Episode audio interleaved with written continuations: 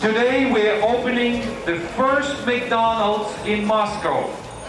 den første McDonald's-restauranten åpnet i Moskva i 1990, sto folk i lang kø for å smake den amerikanske hamburgeren. No mistake, this was an event of major gastronomic proportions. Nå har burgerkjedene lagt ned alle restaurantene i Russland. Krigen i Ukraina og Vestens sanksjoner har ført til importstopp og varemangel. Men hvor harde er egentlig sanksjonene? Sender det Putins krigsmaskin i knestående? Eller betyr det bare at russere må spise noe annet enn McDonald's nå? Det er mandag 30. mai. Jeg heter Synne Søhol, og du hører på Forklart.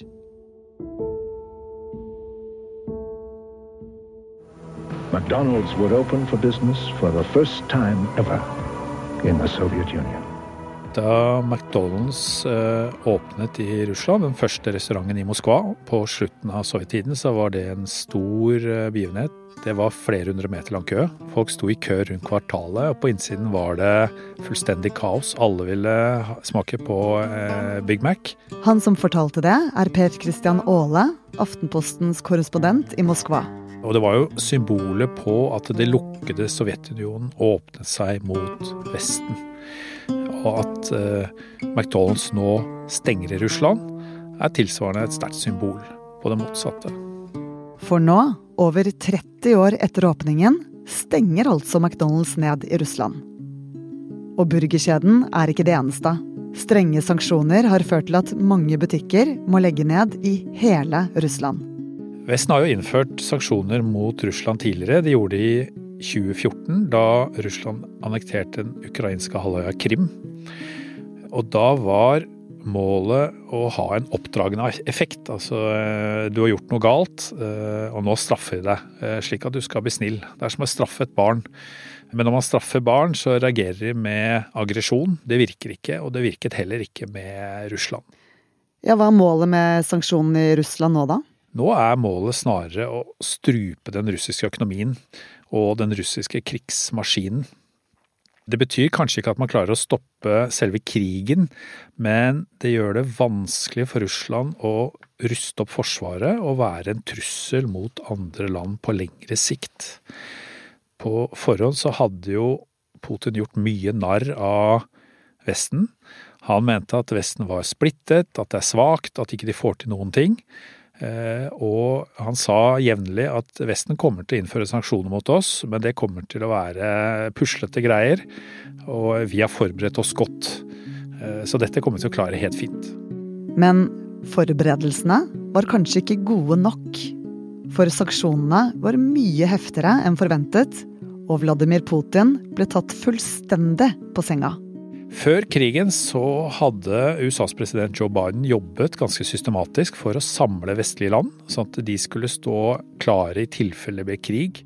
We've now sanctioned Russian banks that together hold around $1 trillion in assets. Og det bidro til jeg vil si, overraskende harde sanksjoner som ikke Putin hadde ventet, men heller ikke mange i Vesten. Altså, jeg personlig var veldig overrasket.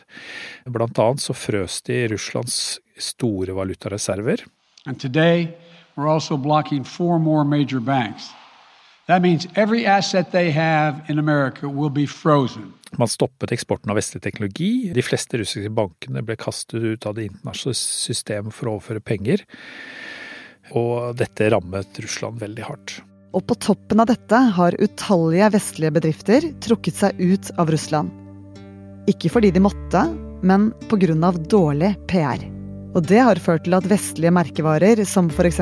Coca-Cola, Disney, Apple, Nike, HM, Ikea og McDonald's har trukket seg ut av Russland. Per Christian, hvordan påvirker dette russere flest? De første ukene så var det panikk. Utenfor russiske banker så var det lange køer. Folk ville ta ut sparepengene sine. De fleste russere har sparepengene sine i utenlandsk valuta, euro eller dollar, og det vil de ta ut. Rubelen stupte. Og det var egentlig fullt kaos, og mye tyder på at de russiske bankene kunne velte. Men så gjør Russland noe som blir et vendepunkt i deres økonomi. Sentralbanken gjør to grep for å snu situasjonen. Den økte renten til 20 Det Det betyr jo at russere får en boliglånsrente på opptil 25 eh, Og den innførte kapitalkontroll. Eh, bedrifter som eksporterer, de må veksle inn 80% av valutainntekten i rubler. Og folk fikk bare lov til å ta ut en begrenset sum med valuta fra kontoen sin fram til september. Og det gjorde at panikken eh, roet seg. Og I tillegg så har oljeprisen gått rett i været pga. krigen, og det tjener Russland stort på. Og Samtidig så stuper importen, altså Russland får kjøpt mindre fra utlandet. Og Dermed styrker rubelen seg, og nå er rubelen sterkere enn den var før krigen. Den høye oljeprisen gjør at Russland drar inn nesten 10 milliarder kroner om dagen. Sammen med renteheving har de klart å avverge en kollaps i russisk økonomi. På overflaten så kan det virke sånn. Altså I eh, Moskva så får man ikke noe inntrykk av noen krise. En del butikker er stengt, f.eks. luksusbutikker, Prada, Chanel osv. Men det er mye som er åpent. altså. I, eh, hyllene i matbutikken er fulle, og utvalget av restauranter er like eh, stort som før. Men sånn vil jo ikke fortsette. altså. Dette, det vi ser er en katastrofe i sakte film.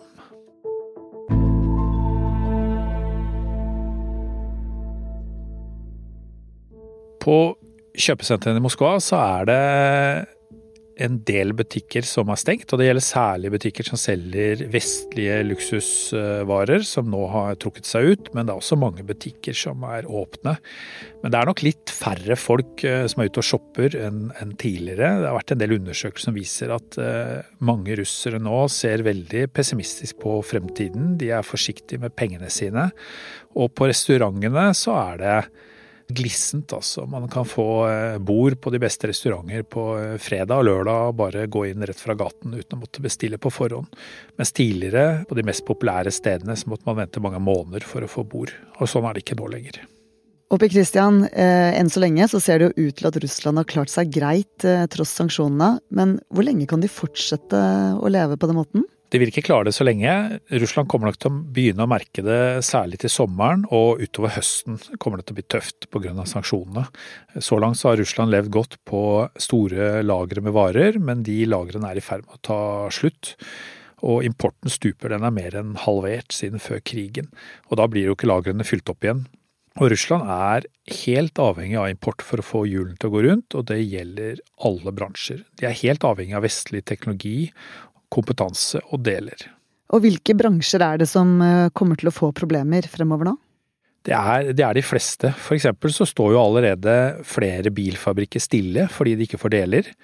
Produksjonen av biler har stupt med over 70% mens eh, produksjonen av vaskemaskiner og kjøleskap er halvert.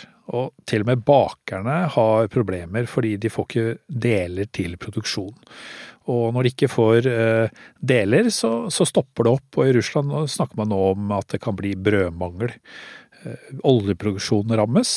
Russland klarer å utvinne enklere oljefelt, men mer avansert oljefelt så må de ha vestlig teknologi og kompetanse for å klare. Og det kommer til å gjøre at oljeproduksjonen vil synke i årene fremover. Og sånn er det etter bransje etter bransje. Til og med militærindustrien er helt avhengig av vestlig teknologi og deler.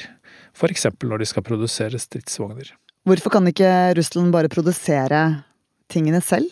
Ja, det her er veldig avansert vestlig teknologi og kompetanse. Det er ikke så lett. Og mange varer så vil ikke Russland eh, lenger klare å lage. Det vil de slutte å lage. Så kan man tenke seg at man henter flere varer fra øst, og det er det noen eh, produsenter og bedrifter som har begynt å gjøre, men det monner ikke, altså. Det koster enorme summer å ta mange år å bygge opp alternative leverandørkjeder. Og de som har begynt å få inn noen eh, varer fra øst, eh, det kommer stort sett via den transsibirske jernbanen. Det kommer da med skip til Vladivostok, eh, og så lastes det over på den transsibirske jernbanen. Men der er kapasiteten sprengt, det var den allerede før krigen. Og Russland er et gigantisk land, altså. Det strekker seg nesten rundt halve halve jorda. Det er elleve tidssoner. Og det å da bygge nye måter å frakte varer, det koster masse penger og tar mange år. Så uten vestlig teknologi, uten nye leverandører i øst, vil Russland få en hverdag som kan minne litt om livet før McDonald's. En del varer vil de ikke lenger produsere. F.eks. fly. De har mange Boeing og Airbus. De får ikke lenger deler. Og eh, fly er jo sånn at de skal bytte deler etter en viss tid. Og eh, det får de ikke, så det, det, de gjør nå er at de setter av en del av flyene som de bare skal plukke fra hverandre og bruke til deler. Og det samme vil skje med en del tog, da. Andre produkter vil de klare å lage, men de vil lage dem med dårligere kvalitet, og de vil bli dyrere. F.eks. i bilindustrien så er den helt avhengig av vestlig teknologi og deler, og nå snakker man om å produsere biler som i større grad minner om det man hadde i sovjettiden. De siste ukene så har f.eks. myndighetene kuttet ned på kravene om utslipp og sikkerhet. Eh, et eksempel er jo at den russiske bilindustrien ikke klarer å lage airbager, så de vil nå lage biler uten airbager. Så kort oppsummert mer klimagassutslipp og mindre sikkerhet. Men det er ikke de mest alvorlige konsekvensene for russere. Den russiske sentralbanken sier at dette her blir en voldsom krise. Den verste økonomiske nedturen siden 1994, altså nesten 30 år siden. Og noen økonomer snakker om en bunnløs krise. Noen flere økonomer mener jo at den blir enda større enn det sentralbanken sier. Det kommer til å bli høyere arbeidsledighet, eh, lavere levestandard og langt flere russere som lever under fattigdomsgrensa. Eh, så langt så har jo mange russere klart seg, altså eh, fordi de har sparepenger, men de tar jo også slutt. I år så snakker man om en inflasjon på 20-25% men samtidig så står eh, lønningene stille. Hvis man da klarer å beholde jobben. Og da blir det tøft, altså. Alt blir dyrere. Vestlige selskaper har jo trukket seg ut, men i en overgangsperiode så har de ansatte likevel fått lønn, men det tar jo også slutt. Og utover høsten så vil effekten av sanksjonene begynne å slå inn med full tyngde. Og det betyr økende arbeidsledighet, fattigdom og lavere levestandard. Og nå forsvinner goder som har blitt en naturlig del av russeres hverdag, som Big Mac og Cola. Så med økt misnøye blant folket, sitter Putin egentlig så trygt? Korte svaret er ja. Eh, men man vet jo aldri. Altså Årene før krigen så knuste han all opposisjon. I praksis er det ikke lov å demonstrere i det hele tatt. Han har bygget opp et voldsomt sikkerhetsapparat internt. Russland bruker jo mer penger på den interne sikkerheten enn de bruker på Forsvaret. Og så lenge han har store olje- og gassinntekter, så kan han betale sikkerhetspolitiet slik at de er fornøyde, og de kan da holde befolkningen i sjakk og stoppe all motstand. Samtidig så har økonomisk vekst og stabilitet vært en av grunnpilarene for Putins makt, og disse sanksjonene undergraver jo denne pilaren da på lengre sikt. Det er ikke noe som tyder på at hans makt er truet, men man vet jo aldri. altså Ting kan jo skje plutselig. Eh, revolusjoner eller palasskupp det skjer ofte helt uventet. Og For eksempel så var det jo ingen som forutså Sovjetunionens sammenbrudd. Sovjeteksperter den gangen sa at eh, Sovjetunionen var eh, stabilt, og så plutselig kollapset det.